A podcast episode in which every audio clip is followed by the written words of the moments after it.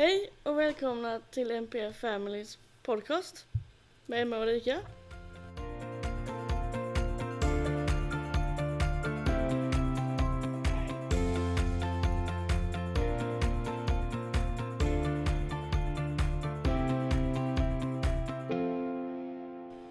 Hur mår du idag?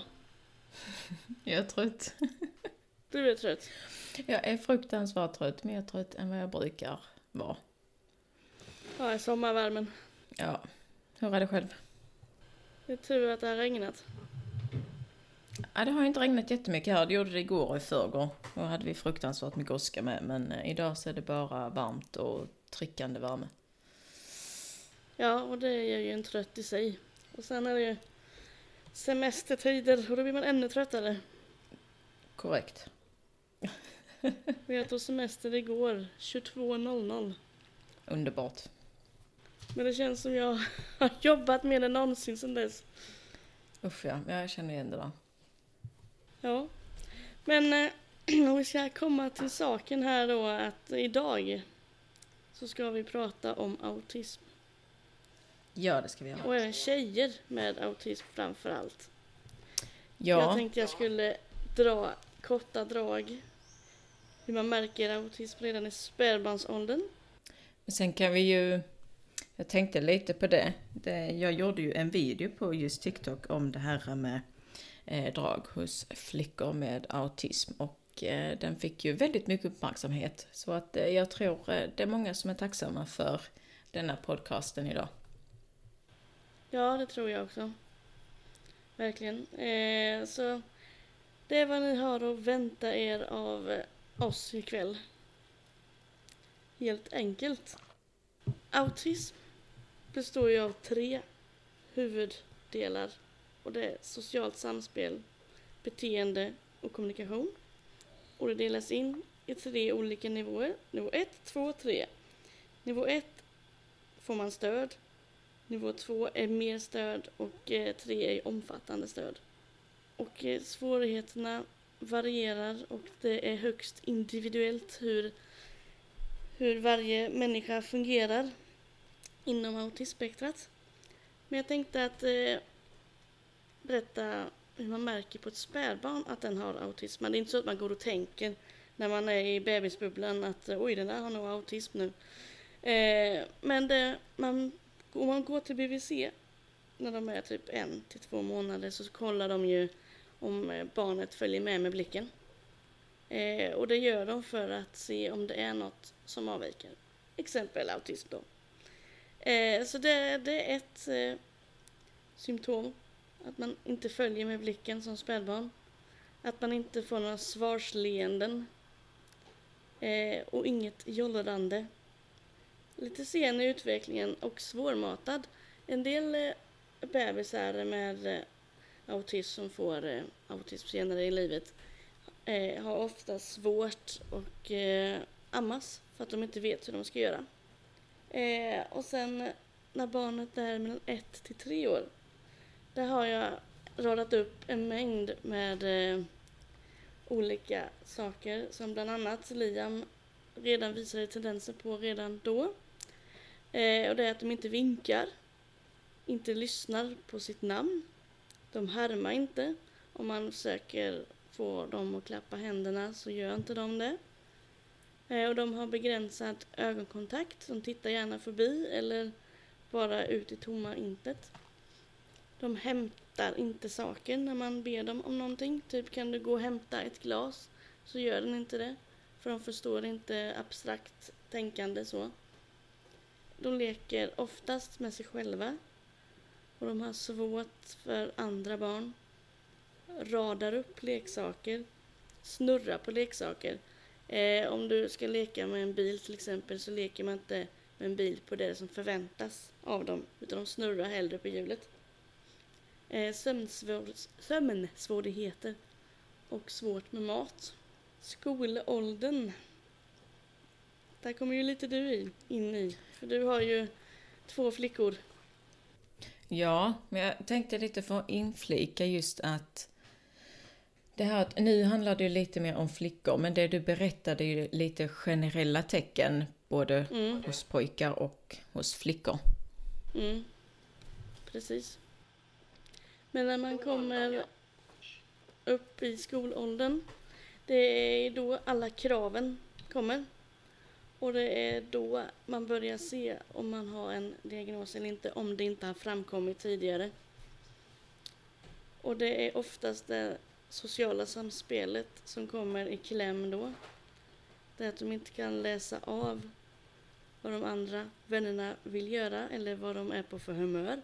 De har svårt att läsa av de här sociala koderna och ansiktsuttryck som eh, de vet inte om ens vän är glad, ledsen, sur eller arg. Eh, och sen när det gäller skolarbetet eftersom autism är oftast inrutade och bra på någonting, alltså i skolan, exempelvis jättebra på matte och har väldigt svårt för engelskan så blir de väldigt svårmotiverade till att läsa engelska för de förstår inte varför de ska göra det. Eh, och det blir ju svårt att de hänger inte med. Nej. Så eh, vill du berätta lite om eh, flickor och autism? Ja, för det har varit mycket så att det är ju inte forskat jättemycket när det kommer till flickor och autism och det var ju väldigt länge som, som forskare och samhället i sig eh, trodde att det var bara pojkar som kunde ha autism. Mm. Ja, men det, de har ju trott det väldigt länge också.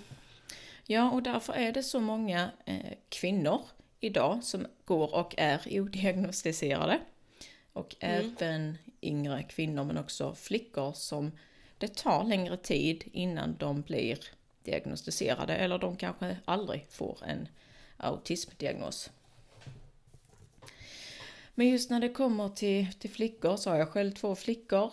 Eh, min yngsta har ju väldigt starka drag av autism och min äldsta har ju fått eh, ADHD och autismdiagnos.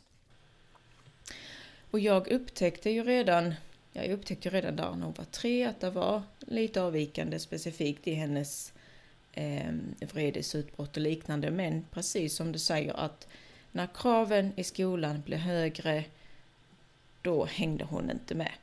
Och det märktes väldigt, väldigt tydligt. Mm. Men just när det kommer till fem, fem drag av autism hos flickor och det är ju oftast det här brist på ögonkontakt. Mm. Eh, när vi träffade skolpsykologen så upptäckte de ju mycket att min dotters ögonkontakt var väl intränad. Den blev väldigt intensiv och var inte naturlig överhuvudtaget. Nej, men det är intressant det här med ögonkontakten då, för det är på habiliteringen så ville de att man skulle träna på ögonkontakt. Men Mm. jag tycker själv att det är väldigt konstigt att öva på ögonkontakt. För det är ju så personligt att titta någon i ögonen och väldigt jobbigt att titta någon i ögonen. Jag skulle inte kunna vilja titta någon i ögonen för att någon säger till mig att göra det. Nej, och sen för personer eh, inom spektrat så är det ju väldigt onaturligt. Mm. Och då träna in detta eh, så märks ju att blicken blir, väldigt intensiv och den blir väldigt onaturlig. Så att Mm. då kan jag tycka att då är det bättre att de flackar lite med blicken istället för att ha den här onaturliga och intensiva blicken som, Mm. som motparten kan uppleva väldigt obehaglig. Ja, för det är, det är som att de tittar rakt in i själen. Ja men precis, precis. Att de verkligen genomskådar hela, hela, ja, hela kroppen på en. Ja, precis. Och sen är det som du sa, det här med att flickor med autism har svårt att behålla vänner. Mm. Och jag vet inte hur många incidenter jag har haft i skolan med just kompisar. Har svårt att läsa av kompisen, förstår inte vad, eh, vad hon gör mot kompisen och skulle kompisen göra likadant tillbaka så förstår hon liksom inte hur personen i fråga kände utan hon vet bara att ja men så här känner jag. Eh, så att svårt att behålla vänner och svårt att umgås med vänner. Ja, de leker ju gärna bredvid också. De vill inte... De försöker ju leka samma lekar men det blir ju ändå att de gör på sitt sätt bredvid. Ja, och sen har jag ju märkt att min dotter hänger inte med i, alltså vad ska man säga, i de andra flickornas utveckling, till exempel med Instagram, med Snapchat, den typen av utveckling. Eh, Mm. Min dotter tycker det är roligare att leka.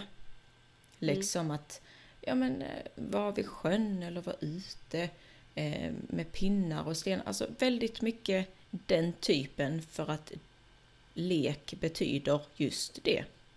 Mm. Eh, och det vet jag mycket när de pratar om att ja, men vi leker inte. De säger att man ska umgås eller hänga. Ja, men vad betyder då det egentligen? Och där blir det väldigt, väldigt svårt. Ja, precis. Och då Jag vill för, gärna ha tydlighet. ja men precis. Och för att då komma in på det här med stenar och mycket sånt och det är att flickor med eh, inom spektrat har tendens att samla på ting som de tycker om. Mm. Ehm, och det har jag ju märkt hos, hos båda mina att det är pinnar, stenar. Eh, det har varit mycket hårband. Ja men sånt som, som finns i deras intresse. Det samlas och det samlas enorma mängder. Mm. Eh, jag kan ge ett tips till er lyssnare när det gäller specialintressen och vara ointresserad i, i skolarbetet. Eh, det är att eh, fokusera på barnets specialintresse. Ja. Är barnet extremt intresserad av hästar och bara håller på med hästar och vill bara prata om det och ja, är väldigt insnöad i det. Använd det i skolarbetet. Superbra tips. Eh, eh, läs, eh, om de ska lära sig att läsa, eh, ta fram hästböcker. Eh, och eh, om det är historia, ta fram historier om hästar.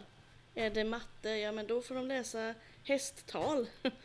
Tre hästar plus två hästar, det är fem. Eh, etc. För då får de det intresserad och då har man sett barnet och de ser att vi förstår dem. Det var ett jättebra tips. Ja. Det är så jag har jobbat innan, när jag jobbat som elevassistent och liknande. Att det fungerar alltid. Ja men det är härligt Och att sen- höra. Och sen kan ju specialintressena ändras också. Men då Såklart. får man ju se, se till att hänga med i det. Ja, men det låter ju väldigt klokt för då är det ju väldigt mycket personcentrering som gäller. Mm. Ja. Men eh, de eh, symptomen, eller så kallade, som jag nämnde i 1-3 års åldern, var det något du märkte av hos dina? Ja, det var det ju.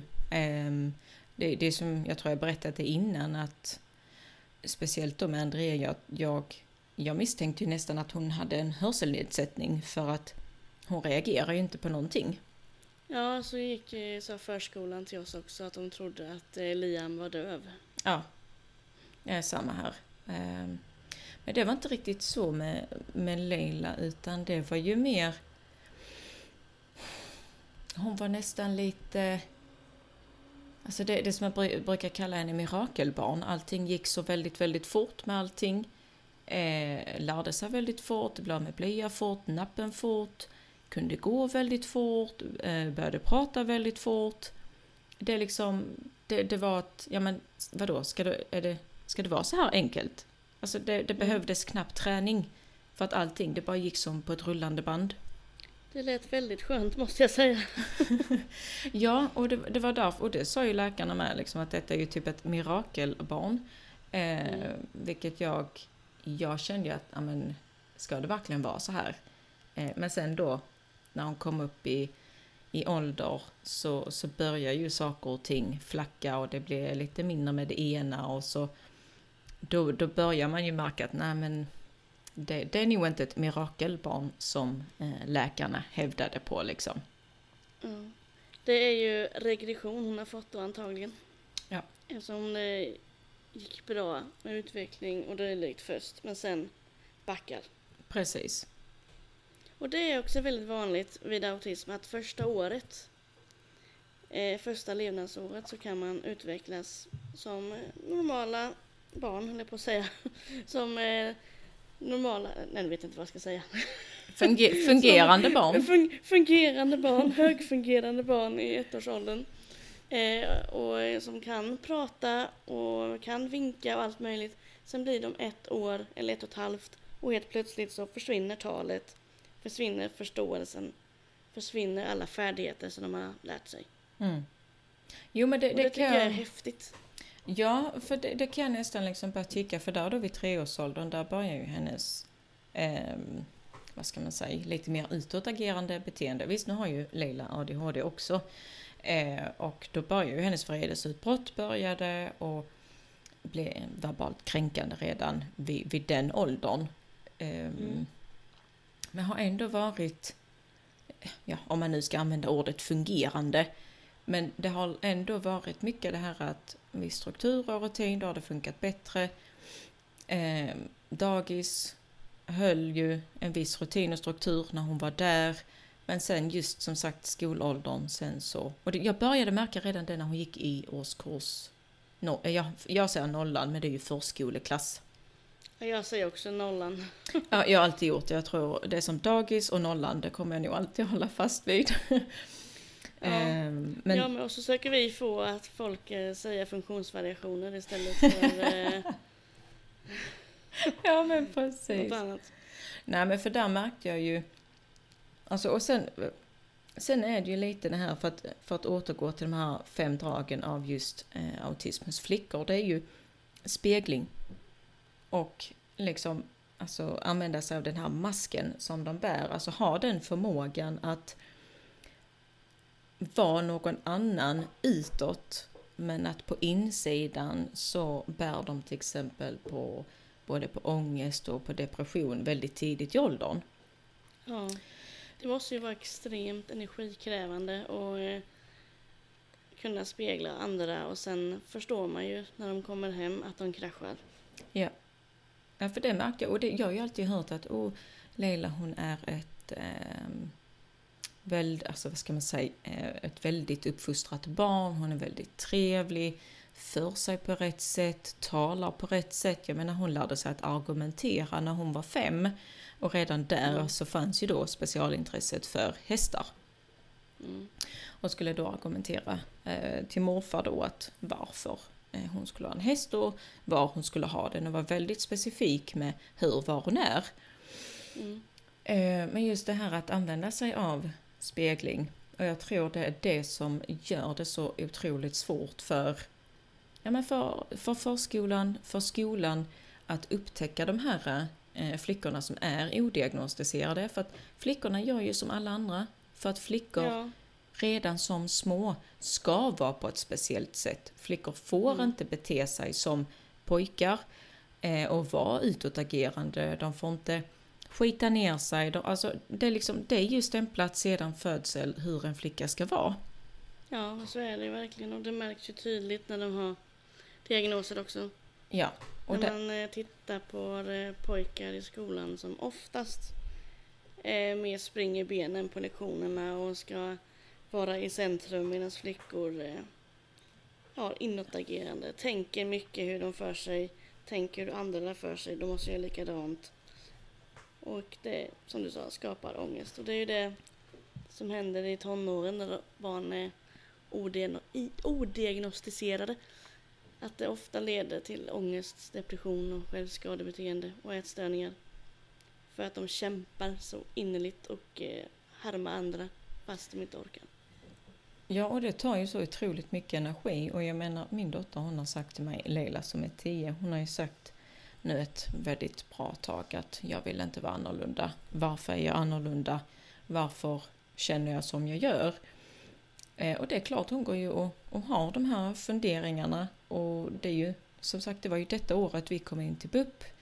Eh, så jag menar, då har hon ändå gått en viss tid, alltså av sin barndom och tänkt att, och känt framförallt att jag är annorlunda.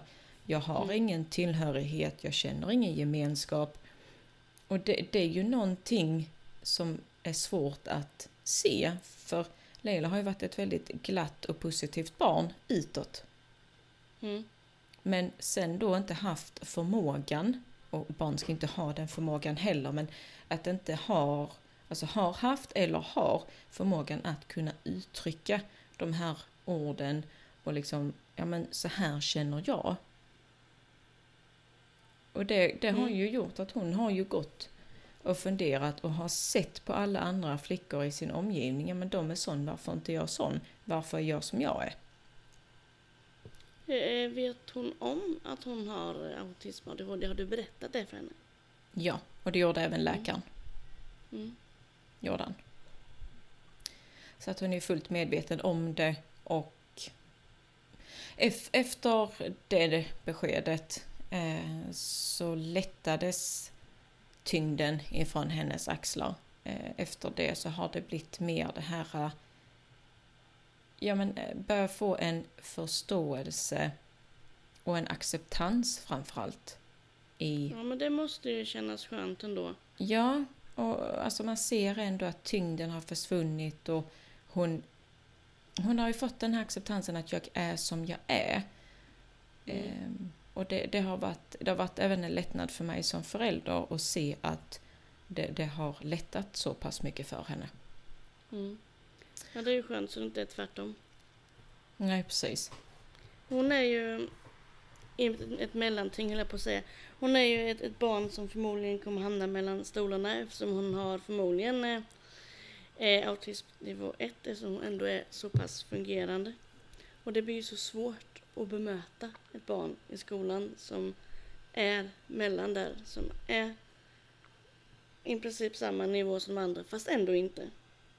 Ja, och va, va, alltså, om man då utgår ifrån vad de har hittat eh, skolmässigt och i skolvärlden så, så är det är ju problem i skolan och det är som nu med nationella proven.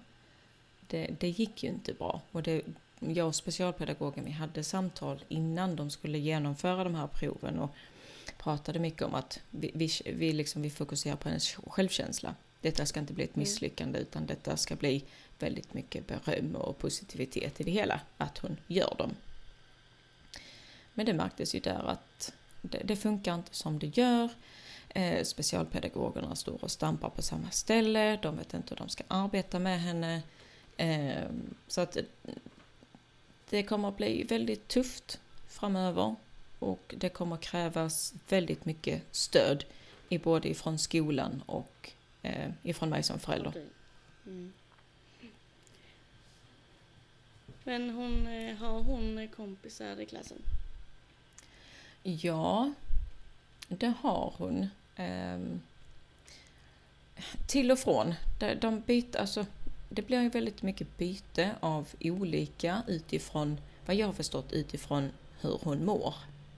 Mm. Mår hon på ett speciellt sätt och är väldigt glad och har väldigt mycket em, energi och liksom den här hyperaktiviteten, då umgås hon med en speciell tjej. Men när Mm. Mår hon då lite sämre lite mer dämpad, då umgås hon med en annan tjej. Ja men det är ju skönt att de kan växla ändå. För jag upplever nu för tiden att eh, det är väldigt växlande i dagens skolor, eller på att säga, bland tjejerna. För det märker jag med Vilmas kompisar. Att de byter väldigt mycket. Mm. Och är inte alls på den som det var förr när man själv gick i skolan. Där man typ alltid var med samma och det var mycket lugnare då. Ja, det, och nu är det ju framförallt mer drama. Eh, och, Ja, det är det ju definitivt. och, där märker jag ju att det sociala samspelet eh, och den, alltså de sociala koderna, det fungerar inte. Eh, så att där, där är det ju svårt för henne att behålla kompisarna. De hamnar ju väldigt mycket i dispyter. Mm. Det gör Ja. de. Och sen ett annat eh, eh, drag av flickor eh, just inom spektrat som jag har eh, sett hos båda mina flickor, det är ju det här tvångsintresset. Och först så tänkte jag bara, ja men varför samlar ni på det här? Och frågat Leila då många gånger att varför hon har stenar, Andrea har pinnar. Mm. Så jag hittar ju, jag hittar ju stenar överallt. Alltså de är i tvättmaskinen, de är i diskhon, de är under soffan, de är i sängen. Du vet, de är, alltså, de är fickorna fulla med stenar. Mm. Ehm, så jag bara, men var, varför samlar du på de här stenarna? Ja men de är så fina. Ah, ja okej, tänkte jag. Men om jag skulle plocka bort de här stenarna, hon blir ju jätteledsen och jättearg om jag skulle röra dem. Men hon har ingen aning det är deras om... grej. Ja men precis, men hon har ingen aning om varför hon samlar på dem egentligen. Nej. Så att vi har ju fullt med stenar och under trappen där ute fullt med pinnar som, som de har plockat när vi har varit i skogen. Så ni har en hel skog inomhus då? Jajamän. Men det är det är, ju, det är väldigt olika typer av stenar. Eh, många olika typer av pinnar. Men, men det är just det här tvångsintresset som, eh, som, som, som är, det blir väldigt specifikt. Mm. Och det, det, har ju, det har ju ingenting med specialintresset att göra överhuvudtaget. Utan det är bara ett helt annat tvångsintresse. Mm. Ja, jag vet inte om Liam har något tvångsintresse. Jo, blöjor möjligtvis. Han måste veta vad alla blöjor är hela tiden. Jaså? Och går gärna runt på alla blöjor. Jämt. Varenda blöja. Det är Maltes blöja, det är eh, skolans blöja eller på att säga. De som har det i skolan. Och, nej, de, han måste veta var de ligger. Och han går runt med dem för att vara förberedd på att han ska ha dem. Mm. Ö, Åker vi till någon, till någon, det är specifikt hos farmor, hon går, han går jämt och kollar vad blöjorna är. Så han vet vad det är, så bara, "Ja, det är okej att kissa och bajsa, då kan jag fortsätta. Ja men det är väl lite för att Är det inte lite för att så, alltså återfå kontroll? Ja precis, Mm. återfå kontrollen liksom över att ja men det är här, det är precis som det ska vara liksom att nu, nu känns det bra. Mm. Men för Annars ska att... inte komma på något. Ja. Annars ska jag inte komma på något mer om man har något tvångsintresse så. Eh, han har, det är ju musik som gäller för honom ja. hela tiden, dygnet runt. Ja, inte när han sover då. Ja men det är lite Och det är samma här. Det är musik. samma. Mm. Men för att lyfta eh, flickornas styrkor inom autism. Jag tycker det är så roligt att prata om den positiva biten också. För det är ju Ja, självklart. det är ju klart. Det, det finns många fina, positiva saker om autism. Jag älskar ja. autism. Det är så unikt. ja men det, så är det. individuellt. Ja men det är, och det är ju så fantastiskt och det, det vet jag ju, det brukar ju Leila säga till mig. Liksom, var, varför fungerar jag annorlunda? Varför tänker jag annorlunda? Så, är det att, så sa jag till henne, så vi är inte annorlunda, vi tänker på ett annat sätt. Mm. Eh, och det är väl lite det jag tycker att man ska lyssna, alltså lyfta, för att det är ett annat tankesätt. I många lägen så är det ett väldigt bra tankesätt. Och jag, jag, kan, jag blir, eh, det är min personliga åsikt, det är liksom det här med att ja men de som befinner sig inom spektrat, de tänker utanför boxen. Ja, men, Ja, och jag tycker det är fantastiskt. mm, men sen samtidigt blir jag så här, men det finns ingen box. Varför ska man rama in, återigen, det normala i en box? Mm. Förstår lite hur jag tänker? Ja, absolut. Man kan använda liksom att det är ett annorlunda eller det är ett annat tankesätt. Man behöver inte använda liksom det här med boxen och sånt för att återigen fokusera på det som alltså eh, inte fokusera på det som är normalt och liksom göra det till en box. Mm. Men i alla fall, flickornas styrkor inom autism och det är ju oftast att de utbildar och får en specialkompetens. Och det är ju oftast inom deras specialintresse. Mm. Så det, det tycker jag är fantastiskt. Och längre upp i åldrarna, upp i arbetslivet, så blir de väldigt plikttrogna. Det ska Ja, de ska ju vara... alltid komma i tid. Och det är faktiskt eh, punkt... Rutiner behövs. Och det är punkt tre, det är punktlighet. Mm. Nu har inte jag autism, eh, men eh, jag är så noga med tider. Alltså jag blir irriterad om någon kommer tio minuter sent. Ja, men jag, jag är exakt likadan. Alltså jag är så punktlig. Jag kommer hellre eh, 15 En kvart minuter... Ja, precis. 15 minuter innan, eh, innan ett möte ska börja. Än att man kommer inspringandes i sista minuten. Nej, usch. Nej, man vill ju Eh. gärna sitta ner och ta det lugnt innan man börjar liksom. Ja, men precis. Så att vi har specialkompetens, plikttrogen, punktlig och vi har även lojal. Ja, Och det kan jag tänka mycket som till exempel när det kommer till ett arbete. Man, alltså som person, de blir väldigt plikttrogna mot arbetet. De håller sina tider och de har en väldigt stor eh, lojalitet gentemot arbetsplatsen, mot vänner, familj och mycket så. Ja, alltså det är ju så extremt viktigt för dem att ha en, eh, ett jobb eller en sysselsättning för att få vardagen att fungera och framförallt få rutin och en struktur på livet.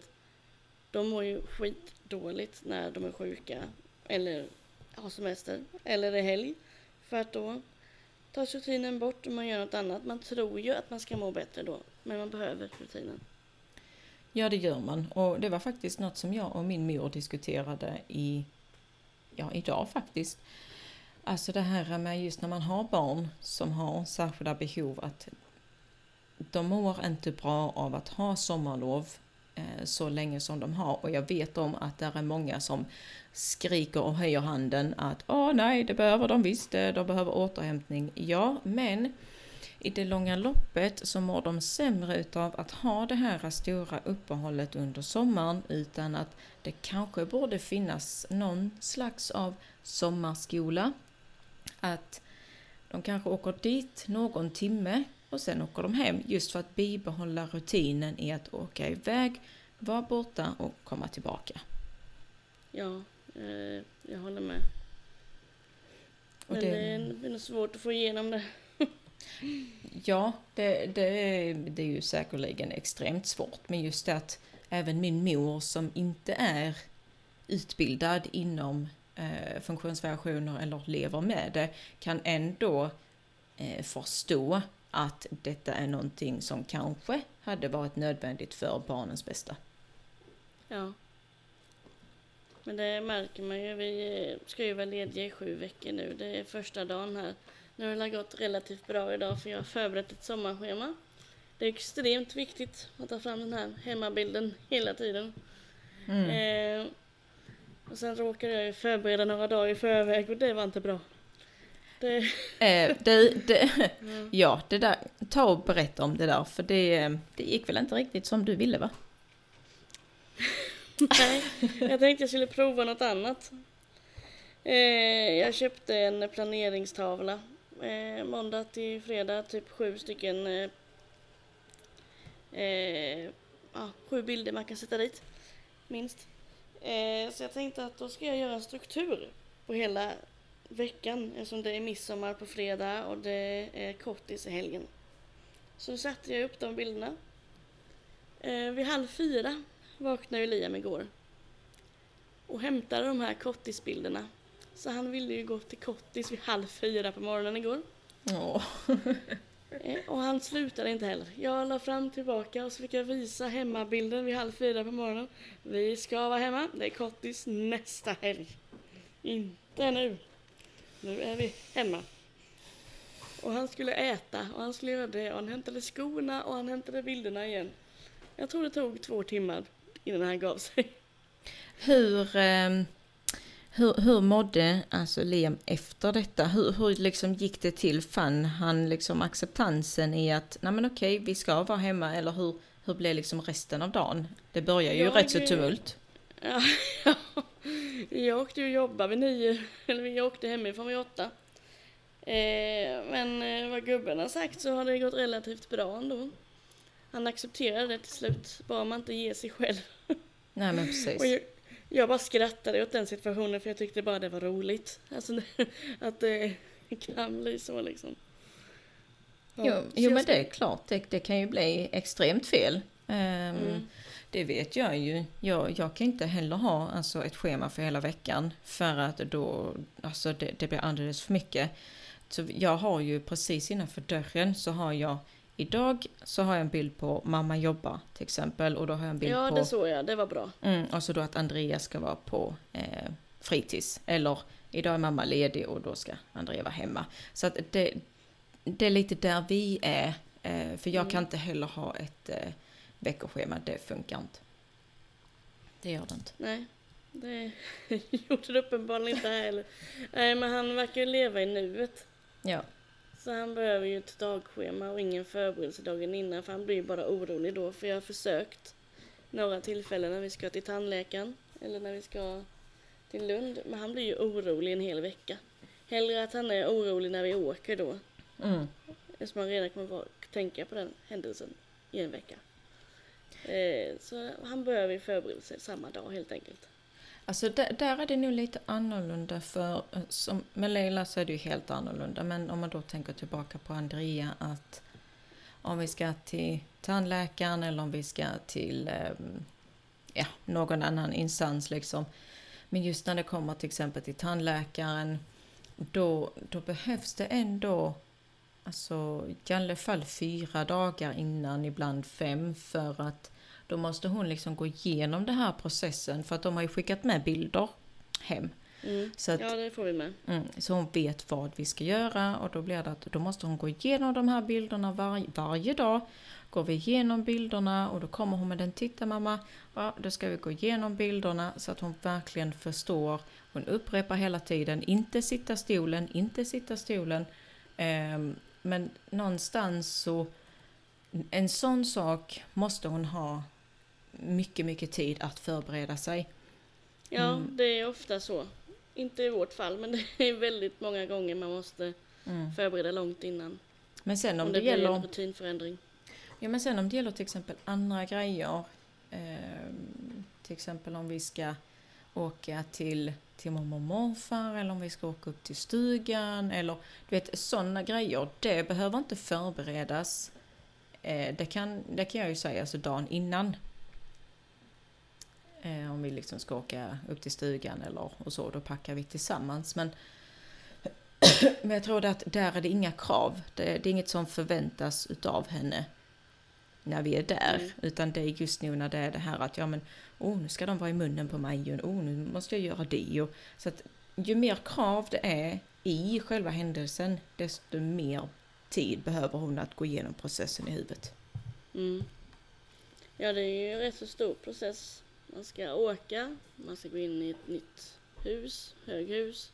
Man ska sitta och vänta. Nya Man dofter. ska bli uppropad. Man ska eh, Mm. sätta sin stol som åker upp och ner. Och sen ska man ligga på rygg. Och sen så kommer en främmande människa och har munskydd med massa grejer i handen och ber dem öppna munnen. Ja men Ja, det- precis. Man Ja, får det ju, Stora steg. ja. Men, det, men det jag har märkt, jag vet inte hur man ska alltså, jobba med just eh, när det kommer till det här med upprop. Som till exempel på sjukvård och sådana grejer. För att där märker jag ju att vi, så fort de nämner hennes namn, då tittar hon på mig och stressen den börjar. Då, går, då blir den ju skyhög direkt. Mm. Och det, det är ett moment, alltså, och det, ju, det spelar ju ingen roll hur mycket man har förberett och hon vet att vi ska dit, hon vet vem vi ska träffa. Det är alltid när de ropar upp hennes namn som stressen blir skyhög. Mm. Det är jättesvårt att arbeta med och, och hur man ska Alltså hur man ska få det till att minimera stressen vid just den situationen. Jag tycker det är jättesvårt. För det Det blir... är just vid namnuppropet. Ja, Du får ropa upp mamma istället. ja men precis. Mamma till Andrea. Ja, nej det, där, eh, det har jag märkt många gånger vid varenda besök. Eller när de kommer fram så, oh hej är det du som är Andrea? Och så lutar de sig framåt. Alltså det är nästan så hon tar ett jättesprång bakåt liksom att nej kom inte till mig, prata med mamma. Eh, och där har jag ju försökt få dem till att lyssna och förstå, prata med mig. Prata med mig som mamma, gå till mig som mamma och inte göra närmande gentemot Andrea. För där Nej, det blir det så fel. Får vara väldigt tydlig där. Ja. Men nu har jag haft väldigt mycket trauma i sjukvården men eh, han tittar ju inte ens åt deras håll. Nej. Och, om de inte börjar sjunga. Ja, de, kan, de kanske ska börja med att sjunga ut hans eh, namn, alltså vid uppropet. Men det gör de nästan nu för tiden. Eh, vi sjunger, alltså senaste tandläkarbesöket så sjöng vi hela, dag, hela, hela besöket. Vi Mhm. dansade och vi sjöng medan vi tog fram eh, en tandborste. Spännande. Eller funkar och funkar, han sitter fortfarande kvar i, eh, i hjälpmedelsvagnen men han är ju inte livrädd och eh, går därifrån. Ja, som det var skönt. från början. Ja, men det är jättebra. Men just det här personcentrering, arbeta, arbeta, arbeta med det hela, hela tiden. Ja, de är väldigt duktiga i folktandvården så jag hoppas att sjukvården väljer att ta efter det. Ja, precis.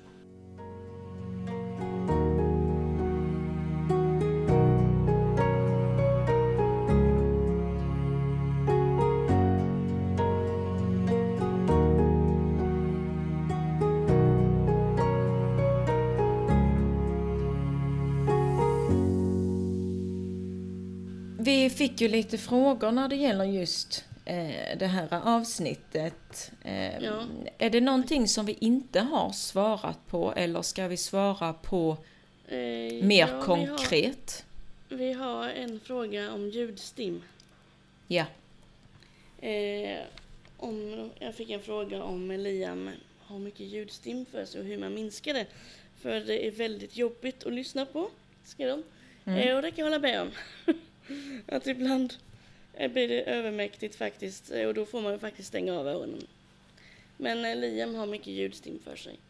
Det är ju hans sätt att kommunicera och göra sin röst hörd, eller på att säga.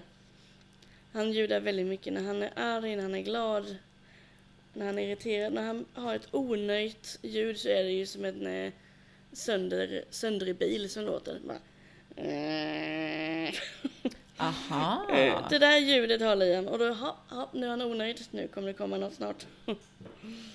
Och det är ju fantastiskt utifrån ljud att han kan förmedla till er hur han känner. Ja, absolut. Och eh, sån nonsenstal bara... "Oj, ja, så, oj, oj, oj, oj." Det heter ju nonsenstal för jag har ingen aning om vad man eh, hör. Nej. Eh, det är väldigt mycket ljud. Eh, för allt tycker jag. Ja. Men ibland kan det vara helt tyst också. Men ibland eh, kan det vara väldigt mycket ljud en hel dag. Särskilt när han var mindre, när han sprang fram och tillbaka hela Mm. tiden och lät som en häst. Jaha. Eh, I hela tiden typ. Ja. Han gör inte det lika mycket längre men förr alltså det var hela tiden. Det var det, det, var det som gjorde att BVC skickade oss vidare. Mm. Eh, ja, det var, ja. Och hur man kan minska det, det har jag faktiskt inget svar på om jag ska vara ärlig. Jag vet inte ens om det går att minska ljud. För det är ändå deras sätt att hantera livet Ja, alltså och det, kommunicera. för båda mina använder ju ljudstim. Alltså min äldsta, det har ju börjat senaste året och har blivit mer nu än vad det någonsin har varit innan. Men Andrea, hon har ljudstim konstant. Det är ju med samma, där är hon glad, där är hon arg, men väldigt mycket när hon är stressad och inte mår så jättebra. Det är som den videon jag skickade till dig. När hon stod Mm. och snurrade på ett objekt och gjorde jättehöga ljud. Alltså det, det Ja, var... det, det var som att titta på Liam ungefär. Ja, det var extremt. Eh, och ehm, jag lät ju henne vara. För att det är någonting hon begö- behöver göra i just den stunden. Och Mm. det som du säger, att jag tror inte... Alltså visst, ibland, ibland blir det övermäktigt och då, då försöker jag avleda. Men i, i många fall så är det just att de behöver göra Mm. det där just där och då för att kanske återfå kontrollen eller de behöver få ut en viss känsla som de har på insidan. Så att jag hade nog alltså låtit det vara faktiskt. Ja, jag vet jag fick ett tips en gång från han. Det var att eh, göra likadant. Mhm. För att bryta det och för, för att få uppmärksamhet om det blir för mycket. Så man inte absolut inte kan sluta. Eh, så det gjorde jag eh, några gånger. Men jag kände att ska jag stå där och vifta med händerna och springa fram och tillbaka. Eh, eh, visst, han stannade upp ibland men jag kände att han eh, blev bara irriterad då. Ja, för det, det har Eh. jag ju med märkt. Alltså bryter man den cykeln som de Mm. befinner sig i så är det precis som att det måste upprepas igen och faktiskt slutföras. Ja, det är samma när, när Liam var liten. Han var ett och ett halvt, tror jag. Något sånt. Så varje gång han kom till förskolan sprang han ett varv runt bordet. Jämt. Ja. Bröt man det så var hela dagen förstörd. Mm. Sen de lät honom springa ett varv eller två runt eh, bordet med armarna upp i luften. För att eh, vara fyra, ah, nu är jag här. Ja men lite så. Och det, jag lyfte faktiskt även barnhub också just när Andrea var, när hon var liten. Vad kan hon ha varit? Ja, vad kan ha varit? Tre kanske? Ja, tre någonting. Och då började hon just med bord. Hon gick runt och runt och runt och runt. Flera, flera varv runt bordet. Och då pratade jag mycket med barnhub och liksom att, är, alltså, är det en, eh, en ritual hon har? Eh, är det en rutin hon har skapat eller är det faktiskt så att det ligger lite tvång i det? Mm.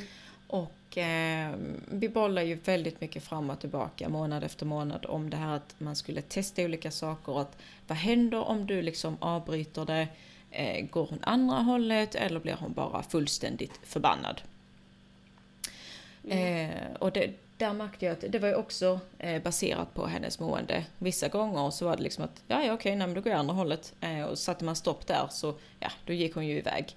Men eh, när det då var baserat på hur hon mådde och man verkligen, nej men eh, nu är det bra, då blev hon ju fly förbannad. Så att, eh, men det tror de ju än idag att det ligger lite tvång i eh, hennes beteende också. Mm. Jag tror att Liam har ett tvångsbeteende när det gäller utomhus här. Ja. Han ska leka utomhus. Eh, han eh, gjorde så när, när psykologen kom eh, för lekobservation mm. på förskolan. När han var knappt två.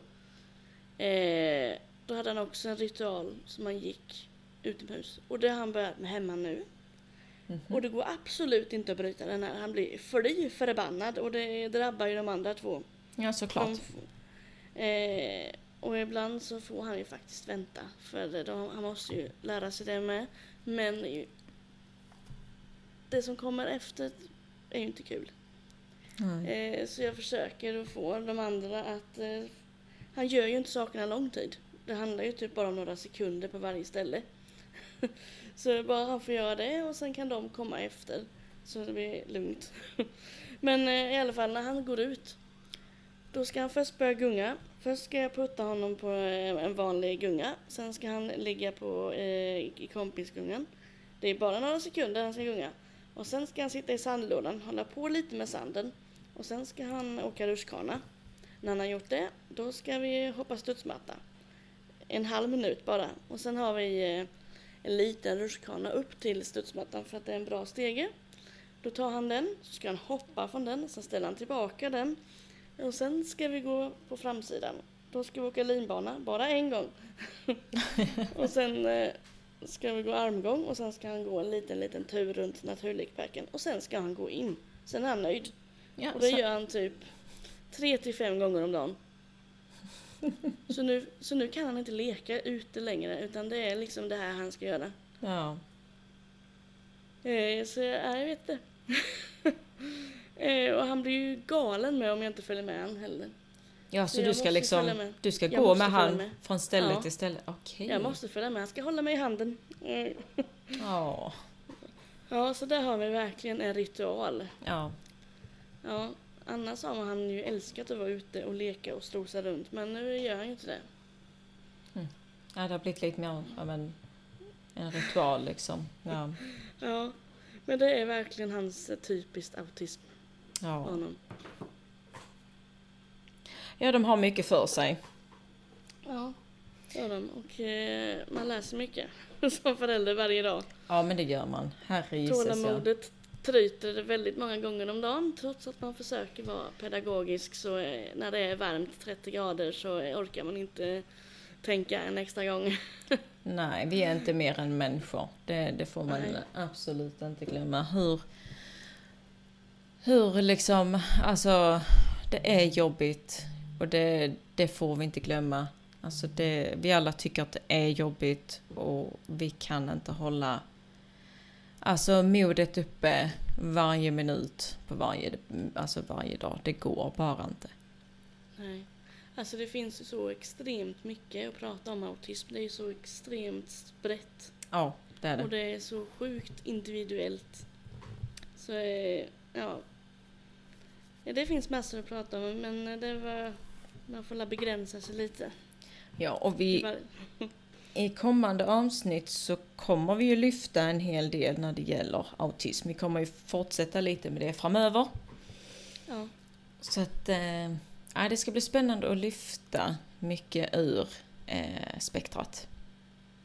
Ja, vi har ju eh, de senaste avsnitten pratat mest om vardagen. Ja.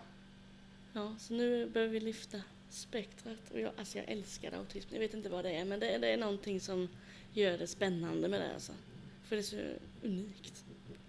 Ja men det är det och, det och visst varje människa är unik men just med autism så blir människan ännu mer unik på ett, eh, på ett fantastiskt sätt vill jag tillägga. Och man blir så glad med av det. Ja. Även det kan vara frustrerande många gånger eftersom det är mycket planering och allt vad det innebär. Men ofta så blir resultatet och det man lär sig och det man ser väger upp mycket mer. Ja men det, det gör det. Jag menar det som jag har sagt innan och jag säger det igen. Alltså det mina barn, det, alltså de är en stor fullproppad verktygslåda. Ja, visst är det. Och man lär sig enormt mycket, alltså vecka för vecka. Och, Ja. det, och det är ju liksom, det är ju en specialkompetens som ingen annan har. Om man inte Mm. lever med de här barnen. Det är jag väldigt tacksam över. Det är jag med. Även om man får gråa hår ibland. Men ofta Ja. väldigt eh, tacksam. Man vrider och vänder och vrider ut in sig själv. Så nu. vrider in och ut på sig själv för att reda ut vad som behövs och inte behövs. Precis. Och nu behöver ju alla inte ha lika stora svårigheter som min son har. För han har ju väldigt eh, bred autism, eller på att säga. Han har ju autism nivå 3. Alltså han behöver ju omfattande stöd. Han behöver ju stöttning i allt. Mm. Och det är nyligen bara som han lärt sig att dricka ur vanligt glas. Innan bara hällde han ut det, det han inte drack upp. Men nu kan han dricka i vanligt glas. Och det är ett fantastiskt framsteg. Det är, ju- Ja, det är ju helt man underbart. Skulle man säga det till en eh, familj som har eh, som inte har autism? Ja. Jag bara, okej. Vadå, Eh, dricka? så- Vadå kan inte dricka ur ett vanligt glas? Det är väl bara till att dricka? Nej, det är Ja, ju inte det precis. faktiskt. Det är ju det lilla som blir det stora i det här och det tycker jag är underbart. Ja. Och leva i nuet. Ja, Det är något jag har fått lära mig. ja. det får man verkligen göra. Ja. Men vi fick ju en annan fråga också, bara för att poängtera det där lite grann. Hur en autismutredning går till.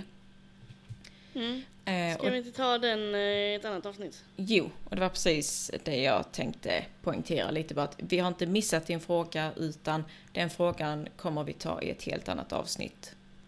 Ja, precis. För det Vi rätt- drar iväg här. Ja, det gör det. Jag tänkte, ska jag dra fram den nu? Det kommer bli en timme till. Ja, nej, det får bli ett helt annat avsnitt för att det, det går att bryta ner väldigt mycket så att det ska bli liksom förståeligt och prata och diskutera i lugn och ro. Ja.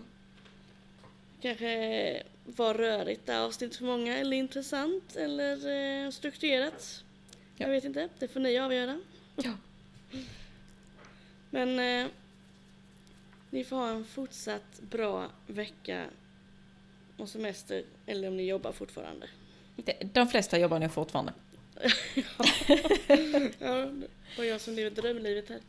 Uh, mhm. Kan ju diskuteras va? Ja. Men eh, vi hörs i alla fall i nästa avsnitt. Det gör vi. Ha det jättebra. Tack för att ni lyssnade och lämna gärna en kommentar om vad ni tyckte om avsnittet och vad ni vill veta mer. Gärna. Eller gärna. Eller gör det gärna menar jag. ja, Ha det så ha bra. det gött. Hej då! Hej.